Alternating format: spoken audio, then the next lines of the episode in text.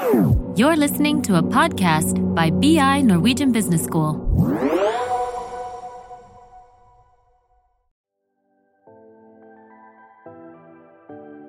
Velkommen til Karrierepraten med Sigrid og Agnete. Denne gangen uten Agnete, men med en eh, gjest i studio som jeg syns er veldig stas å ha. Velkommen, Nikolai Tangen. Tusen, tusen takk. tusen takk. Denne gangen så blir det Karrierepraten med Sigrid og Nikolai. Topp. Og så tenkte jeg at du skulle få lov å presentere deg selv. Ja, jeg heter Nikolai Tangen, og jeg kommer fra eh, Kristiansand. Og etter en del uh, bråk så ble jeg til slutt uh, leder i oljefondet. Så der har jeg nå jobbet i to måneder, og det er fantastisk spennende. Det er bra pitch. Sist gang hørte vi om elevator pitch, så den var jo en god pitch, det.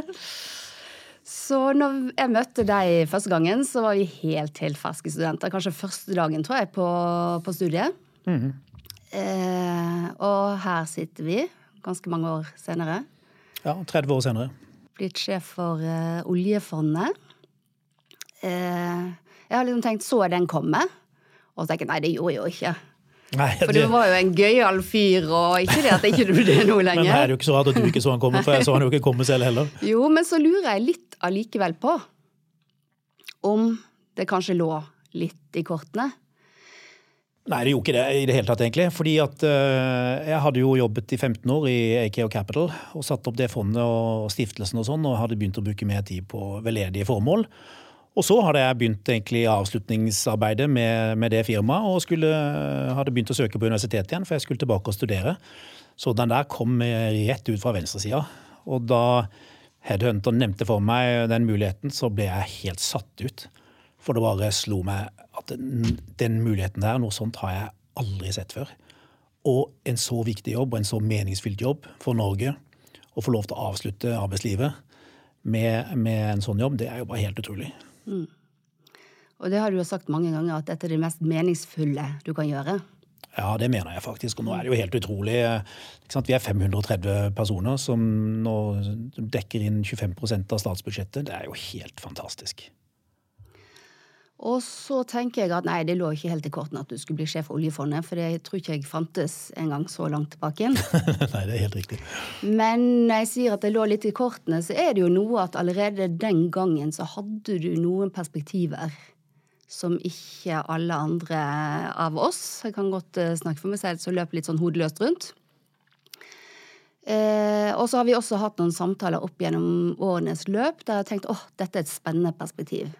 Og så tenkte jeg at nå skal vi bruke denne podkasten til å snakke litt annerledes om karriere enn hva vi har gjort, og hva vi vanligvis gjør. Ja, altså jeg tror jo at det jeg har vært heldig å få lov til, det er jo å gjøre en masse forskjellige ting. Og jeg tror jo vi undervurderer egentlig verdien av hvor mye ett fagområde tilfører et annet fagområde, selv om det ikke ser helt relevant ut uh, alltid.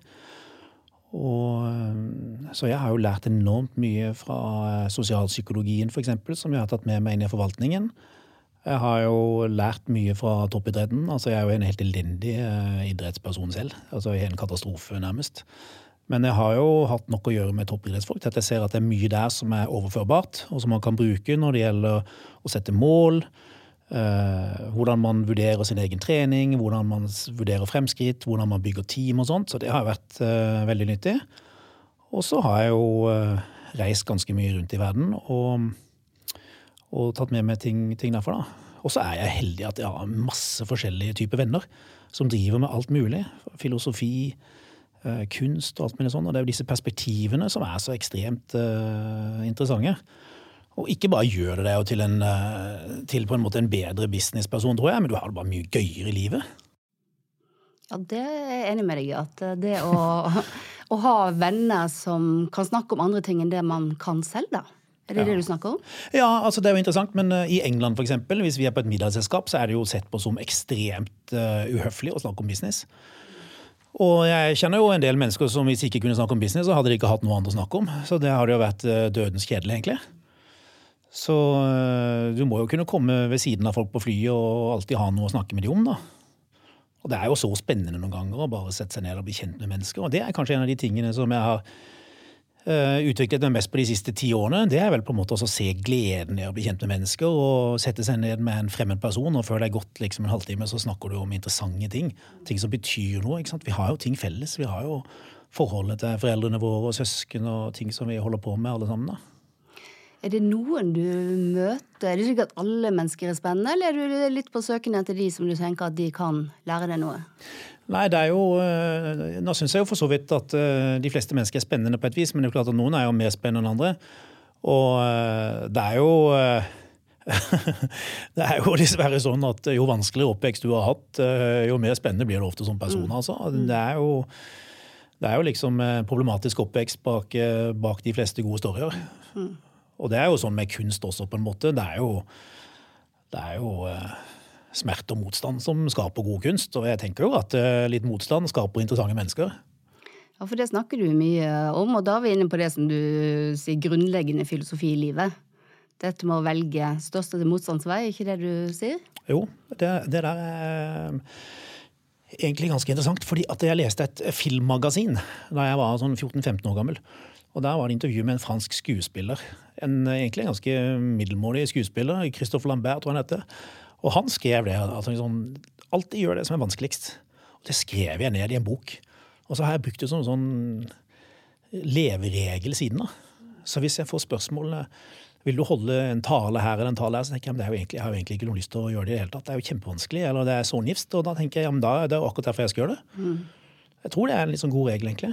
Så med en gang du kjenner på den motstanden, så tar du et signal på at dette er kanskje noe jeg skal gjøre? Ja. Mm. Og vi vet jo det at det er da vi lærer. Vi lærer jo ikke av å skli av gårde. Nei, vi lærer når vi går på trynet og gjør feil. Mm. Og det er jo det jeg sier, at uh, feil er et viktig produkt. Mm. Fordi du kan lære deg å forbedre deg. Mm. Og du vet, i den bransjen jeg er i, hvis du bare gjør 49% feil, så er du jo en helt. Da er du jo kjempeflink. altså, det er derfor du har valgt den bransjen? ja, men jeg gjør, jeg, jeg gjør, jo feil hele tiden. Ja. Og det er jo sikkert noe viktig i det også. Det tenker jeg også studentene kan ha godt av å høre. Fordi at jeg møter mange studenter nå som er redd for å trå feil. Ja. Og redd for å gjøre feil. Mange har veldig høye skuldre. Mm. Du er redd for ikke liksom, for å bomme på den eksamen. Du er redd for å ikke få den riktige jobben. Mm. Eh, ja. Jeg tror nok kanskje vi lever i et samfunn hvor det er vanskeligere og vanskeligere å gjøre feil. Fordi ikke sant, med sosiale medier og sånn, du skal helst ikke dumme deg for mye ut. Så vi lever nok eh, i en sånn verden, ja, hvor det er viktig å være perfekt. Men, eh, men man må ta sjanser og, og forsøke. Og så eh, Noen ganger går man på trynet, men så er det jo ekstremt viktig å klare å komme seg opp igjen. Ikke sant? Det at mm. du klarer å ta samme type risiko selv etter du har tatt feil. Og det er jo der vi har brukt og jeg også personlig har brukt sportspsykologi til å lære det. da komme meg opp igjen på hesten og ri igjen etter du har ramla av. Mm. Og det er jo mange nå som søker jobb og søker og søker. Mm. Og så skal du stå i det og allikevel legge inn nye søknader og legge mye jobb i det hvis mm. du ikke lykkes. Og kanskje det andre rundt deg lykkes. Hva Har du noe råd til de studentene som sitter nå? Hvordan skal man ha stamina til å fortsette i den jobbsøkerprosessen. Ja, det er frustrerende naturligvis, for det er jo ikke nødvendigvis deg det er noe feil med. ikke vel? Men vi er i et samfunn nå hvor det er Pga. koronaen og sånn, så er det eh, utfordrende å stå i en jobbsøkersituasjon når det er veldig mange flinke mennesker som ikke får jobb. Og det har ikke nødvendigvis noe med deg å gjøre. Det har med at verden ikke er helt enkel akkurat nå. og Det er viktig å skille mellom det og ikke ta det personlig. Um, jeg syns den filosofien til han Reidar Fuglestad som drev Dyreparken i Kristiansand tidligere, er veldig fin. Der hadde de mange tusen søkere på sommerjobber, og de kunne bare ta inn 1000. Og det var kanskje 2000, disse tallene er kanskje ikke helt riktige, men la oss si det var 2000 som var gode nok til å få jobb, men de kunne bare inn 1000. Da sendte de brev til de 1000 som ikke fikk jobb, og sa at det er ikke noe galt, det er ikke noe galt med deg. Du er kjempeflink. Og dette brevet kan du ta med deg og bruke videre i neste jobbsøkingsprosess. Men du er toppen, men vi har dessverre bare ikke plass. Og eh, jeg kunne jo tenke meg å forsøke noe lignende i oljefondet, men jeg vet ikke om jeg får det til. Men fordi man utdanner mennesker, eller man intervjuer mennesker som på en måte har så mye fine ting ved seg, og så har man rett og slett bare ikke plass til å ansette alle sammen. Det er jo synd. Og akkurat nå tenker jeg, jeg håper det er mange som ansetter og som rekrutterer også som hører på dette, fordi at det er jo en fantastisk employer branding også, tenker jeg. Så du både så du er med å bygge opp selvtilliten til de som denne gangen ikke fikk jobben, og du gir også et veldig godt inntrykk av arbeidsstedet. Ja, jeg tror det kunne vært noe, men nå har vi ikke, har vi ikke implementert det ennå. Men eh, det bare slår meg som en fin ting å gjøre. Fordi er det noe vi trenger, så er det ungdom og unge mennesker med, med selvtillit. Og det er Denne her pandemiperioden har ikke vært uh, grei, altså. Nei, den er jo ikke grei for, for veldig mange. Så akkurat det der å, å passe på hverandre og, og, gi de der oppmuntringene, om det så er et avslagsbrev eller om det er å rekke ut en hånd til andre og hjelpe hverandre, rett og slett. Eh, og da har jeg også lyst til å spørre deg litt om, fordi at det er mange studenter som lurer på eh, Og nå snakker jeg ikke bare om deg, selvfølgelig, men generelt sett det å spørre om råd. Ja. Hva tenker du om det? Nei, Det tenker jeg er det beste du kan gjøre. Fordi at, eh, For det første, når du spør om råd, så får du jo mer informasjon, så du tar jo bedre beslutninger. Det er jo det ene. Men folk blir ekstremt glade for å bli spurt om råd. Det er jo, det er jo en ære å bli spurt om råd. Så det er, det er, det beste du kan gjøre, og det må du aldri, eh, aldri slutte å gjøre. Det er mulig faktisk at, det er mulig at jeg beveger meg litt ut på tynn is her, men uh, visstnok f.eks. når du sitter i bil og ikke finner veien, så uh, har menn veldig vanskelig for å spørre om råd og spørre om hjelp til å finne veien, for de er ganske sånn stolte. da. Mens kvinner visstnok syns det er litt enklere. Nå vet jeg ikke om det gjelder her også. Vi kan jo ta en meningsmåling da, Nikolai. her sitter vi en dame og en mann. Jeg spør alltid om veien. Ja, for jeg har nok litt mer problemer med det, ikke sant? for jeg tror jeg skal klare å finne det selv, men det er jo ikke så helt enkelt. Nei, det å spørre om råd er viktig. Og det å men det er også viktig å si tusen takk etterpå. Og det er viktig å følge opp de som har hjulpet deg i livet senere. Og det gir enormt mye glede når jeg f.eks. har ansatt folk opp igjennom som har hatt eh, sommerjobb og den type ting. Når de følger meg opp siden i livet og de holder meg orientert om hva de driver med, da blir jeg så glad. Og det tar deg akkurat 20 sekunder å slenge i vei en e-mail og bare si hva du gjør. Det viser at du tenker langsiktig, at du er takknemlig, og det det å si takk, det er viktig. Og det er kanskje noe vi ikke tenker så mye på. Nei, vi sier for lite takk. takk. Mm. Vi sier for lite takk. Mm. Og det er kanskje en av de tingene nei, Tilbake til det jeg begynte med, at når vi begynte på Hendene over Hås, så tenkte jeg at uh, ok uh, Eller i ettertid så tenker jeg hva, det lå det litt i kortene at du skulle, om det ikke var oljefondet, men at du skulle drive med noe som var viktig og, og um, jeg tenker at den gangen så En av de tingene var at vi hadde en middag i kollektivet oss med masse folk. Og så noen dager senere så kom det et kort i posten. Dette er lenge siden, så nå hadde det kanskje vært en SMS. Eller kanskje et kort fremdeles. Det er så, 'Tusen takk for hyggelig middag'. Så tenkte jeg i all verden, jeg har aldri opplevd før. Men, eh, Og da husker jeg vi har snakket om det noen ganger opp igjennom, det der med å faktisk Hvor, hvor utrolig stor betydning det har, det der å kunne si takk. Og huske å si takk. Ja. Nei, jeg tror nok det At man kan bli enda flinkere der, ja. Mm. Det, har jo, det har jo egentlig med å se, ikke bare til noen som har gjort noe mot det, men det har jo med å se å se enkeltmennesket i samfunnet når du haster forbi. ikke sant? Og du, det er å takke for deg i taxien og på restauranter og se menneskene som faktisk står der. Vi har jo så dårlig tid nå, ikke sant? og vi ser ned i telefonen hele tiden. og det er jo å løfte hodet litt og se menneskene. Mm. Så si takk om det så er noen som eh, reiser seg på trikken, eller si takk om du har hatt en sommerjobb ja. og eh, har avsluttet den, ja. og følge opp etterpå. Mange vil jo kanskje tenke at uh, det er unødvendig, det er bare å ta ekstra oppmerksomhet etter at jobben er gjort. Nei, det har jeg aldri opplevd. Det har, det, sånn, det har jeg aldri opplevd. Jeg har aldri sett på en ekstra takk som negativt. Det er bare mm. positivt. Mm. Og det tror jeg de fleste, det gjør jo de fleste. ikke sant? Det å, å få det taket. Og du blir også litt minnet på den personen ikke sant? når du får oppdateringer opp igjennom. Absolutt. Men du har jo alltid vært interessert Du har jo sagt, du sa rett nå før vi skulle inn i podkastrommet, at noe av det gøyeste du gjør, er å snakke til studenter. Mm. Og så har jeg egentlig inntrykk av at det gjelder faktisk ganske mange. Det er mange som syns det er hyggelig å få henvendelser fra studenter, men da er det jo mm. dette at eh, Selvfølgelig være høflig og hyggelig. Eh, og husk å si takk. Men innenfor det så er det mulig tenker jeg, for studenter å ta kontakt med folk. Men hvordan gjør man det hvis man skal ta kontakt med, med folk man ikke kjenner? Nei, altså det er jo eh, Man må jo rett og slett bare ikke være spesielt redd for å få et avslag, ikke sant? Altså um, Man må jo bare ta de avslagene, og så må man jo ikke tenke så mye mer over det. Og bare fortsette å spørre, egentlig. Mm. Mm. Og nå er, jo, nå er, det jo en del nye kanaler, da, sånn som LinkedIn og sånn, og jeg forsøker jo å svare på det. Um, så jeg, jeg, jeg, bruker mye tid på det. Jeg syns jo det er kjempegøy å få, få råd. Altså, jeg husker jo jeg var jo på næringslivssymposiet i Bergen en gang. Og da var det en foredragsholder som sa det at vet du hva, jeg kommer til å glemme alt jeg har tenkt å si i dag allikevel, så det er egentlig ikke spesielt uh, så nyttig at jeg holder noen lang tale, men jeg vil bare gjerne si én ting, og det er det eneste jeg vil at jeg skal huske. Kom deg ut i verden. Reis rundt. Se kulturer. Lær nye land. Og gjett hva den eneste tingen jeg husker fra det symposiet. Det er akkurat det. Mm.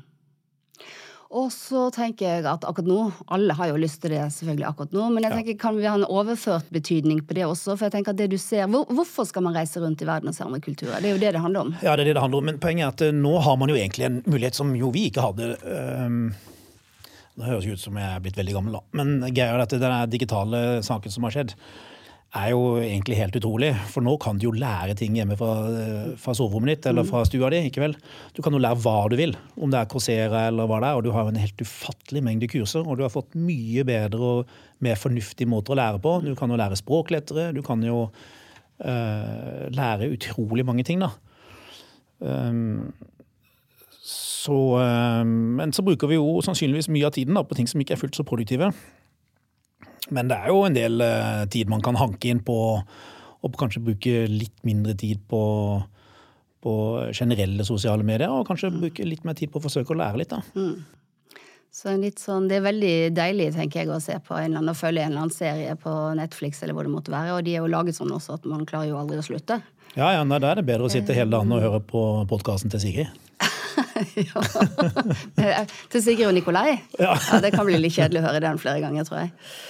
Eh, så det vi er inne på nå, er jo også hvordan du kan gjøre det til en interessant kandidat da, for selskaper generelt. Og jeg tenker ikke bare på oljefondet når jeg snakker med deg, for jeg tenker at uh, dette gjelder jo jevnt over. Ja.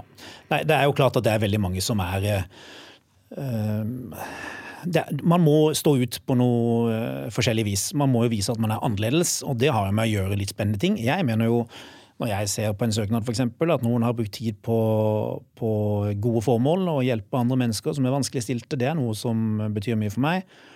At du eh, snakker språk, at du har gjort spennende ting. Jeg vil jo si at hvis du er uh, ja, For meg, hvis du er kvinne og har hatt uh, utdannelse fra militæret, så vil det være veldig positivt, f.eks.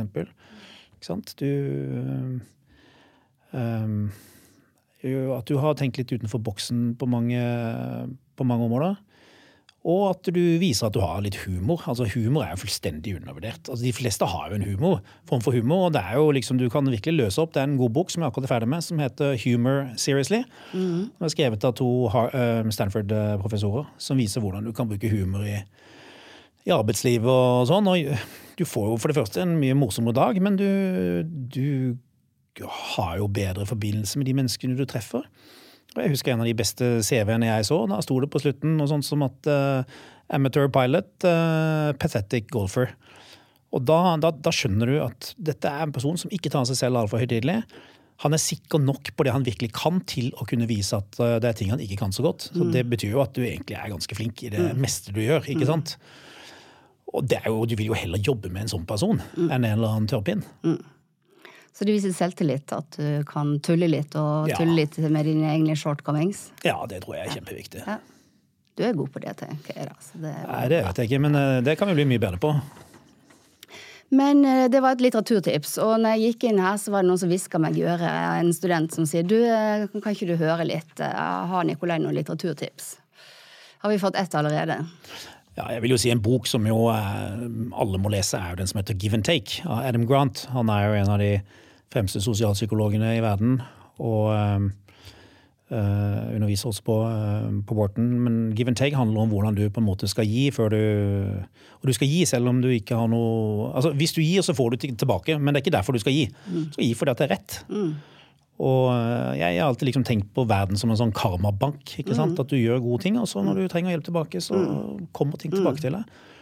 Og det er jo en liten verden. Alle snakker med alle. Og, og det å bygge på en måte det å bygge omdømmen, det er ikke noe du gjør liksom eh, på en dag eller to. Det er alle de småtingene du gjør eh, dag ut og dag inn. Og det Det å hjelpe andre er ekstremt positivt, og det å fremsnakke andre er positivt. Og det å ikke bry deg om eh, hvem som får æren for det som går rett, det er liksom det er en sånn et sånn ordtak med at det er ingen grenser for hva du kan få til hvis du ikke bryr deg om hvem som får æren. Og det har jeg veldig tro på. at Hvis det er noe positivt som skjer, så gi æren til noen andre. Og hvis det er noe dårlig som skjer, så kan du jo ta, kan du jo ta kjefta, liksom. Det tenker jeg jo er lett for deg å si som en CV som er ganske solid. Jo, men jeg tror, nei, jo, men vet du hva? Jeg tror ikke egentlig det er sånn, fordi sånn har jeg, sånn har jeg egentlig alltid tenkt.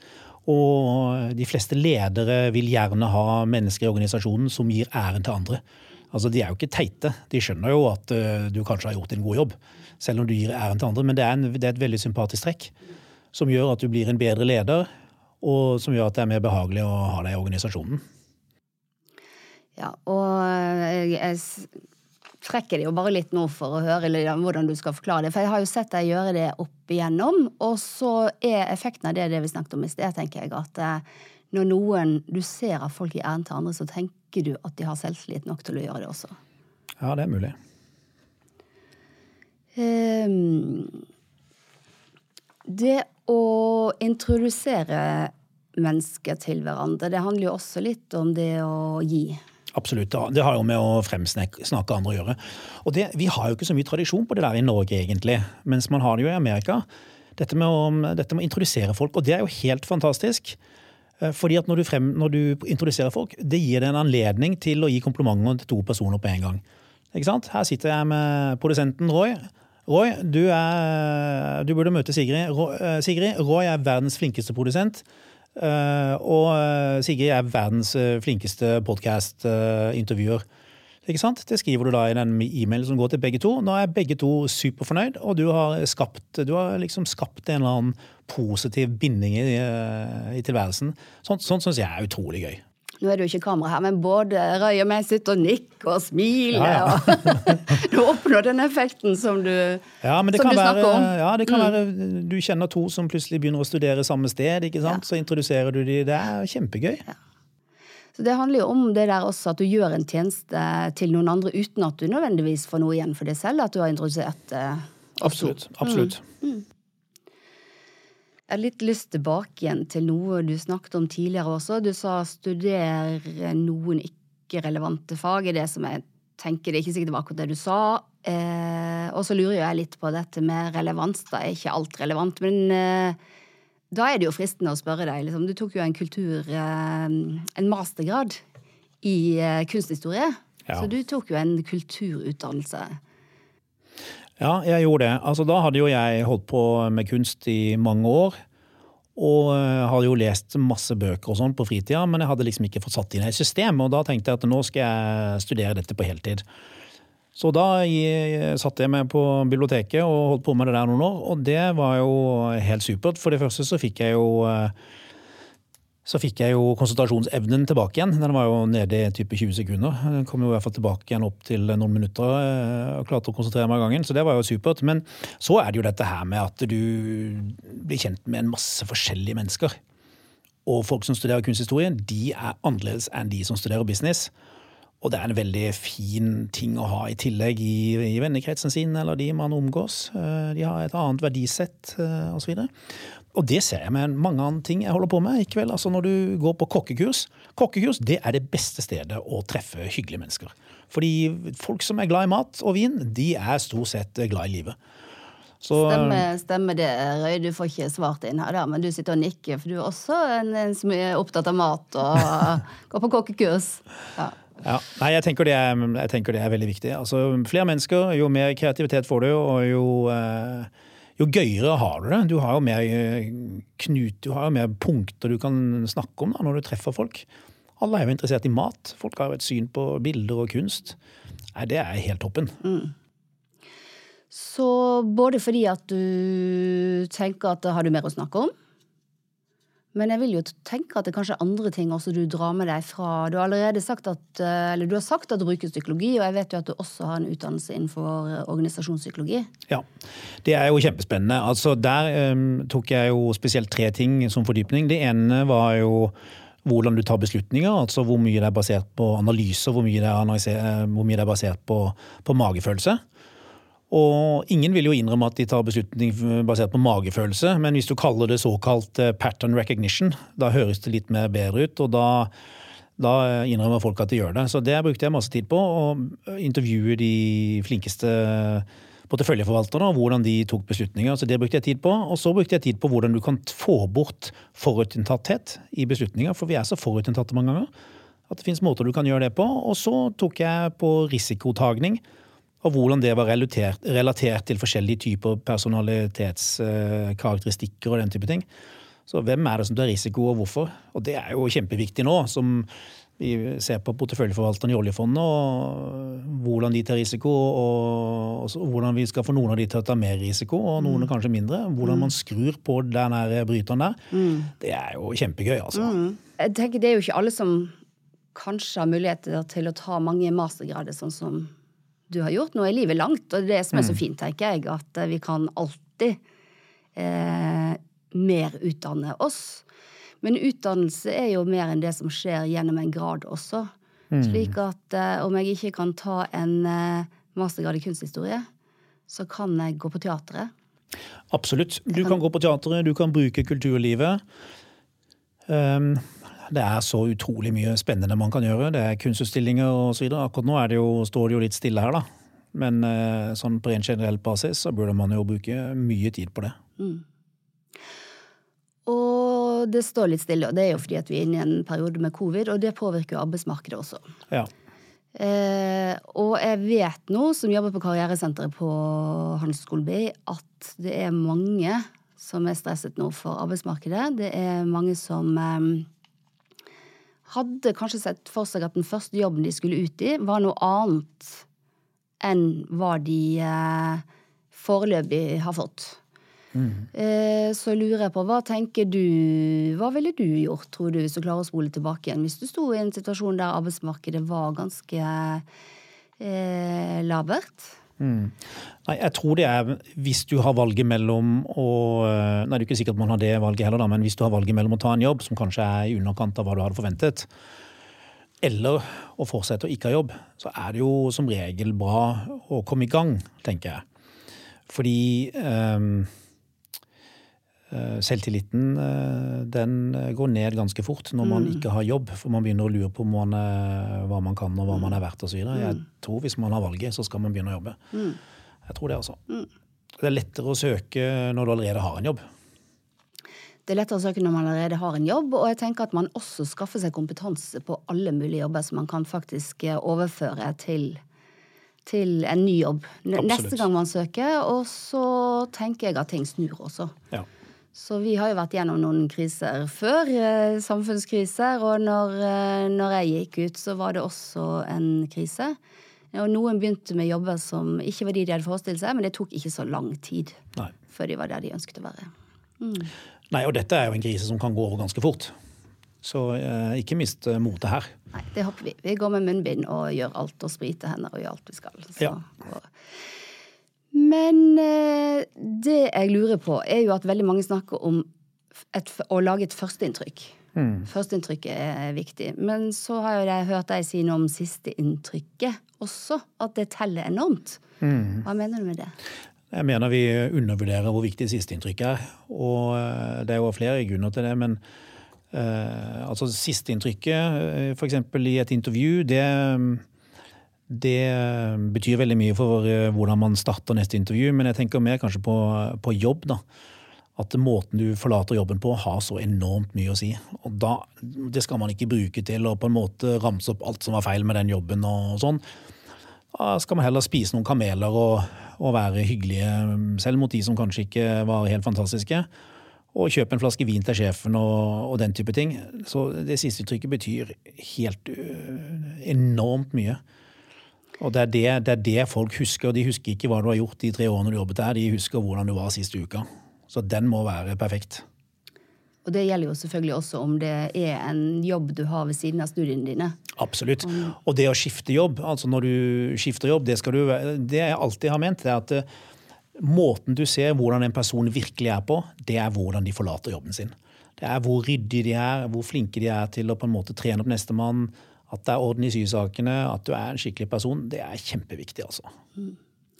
Og så legger du inn i kammerbanken i tillegg så er det Kammerbanken. Og der er det fint å ha litt ting.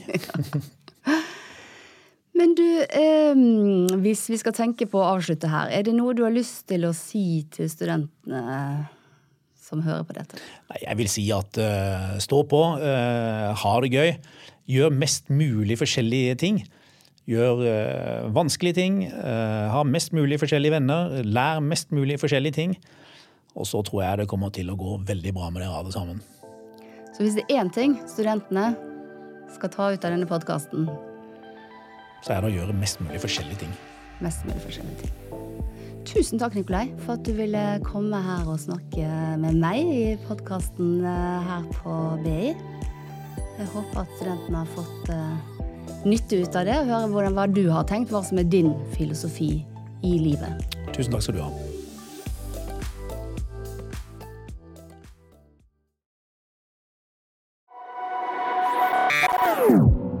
This is a BI production. Listen to more podcasts.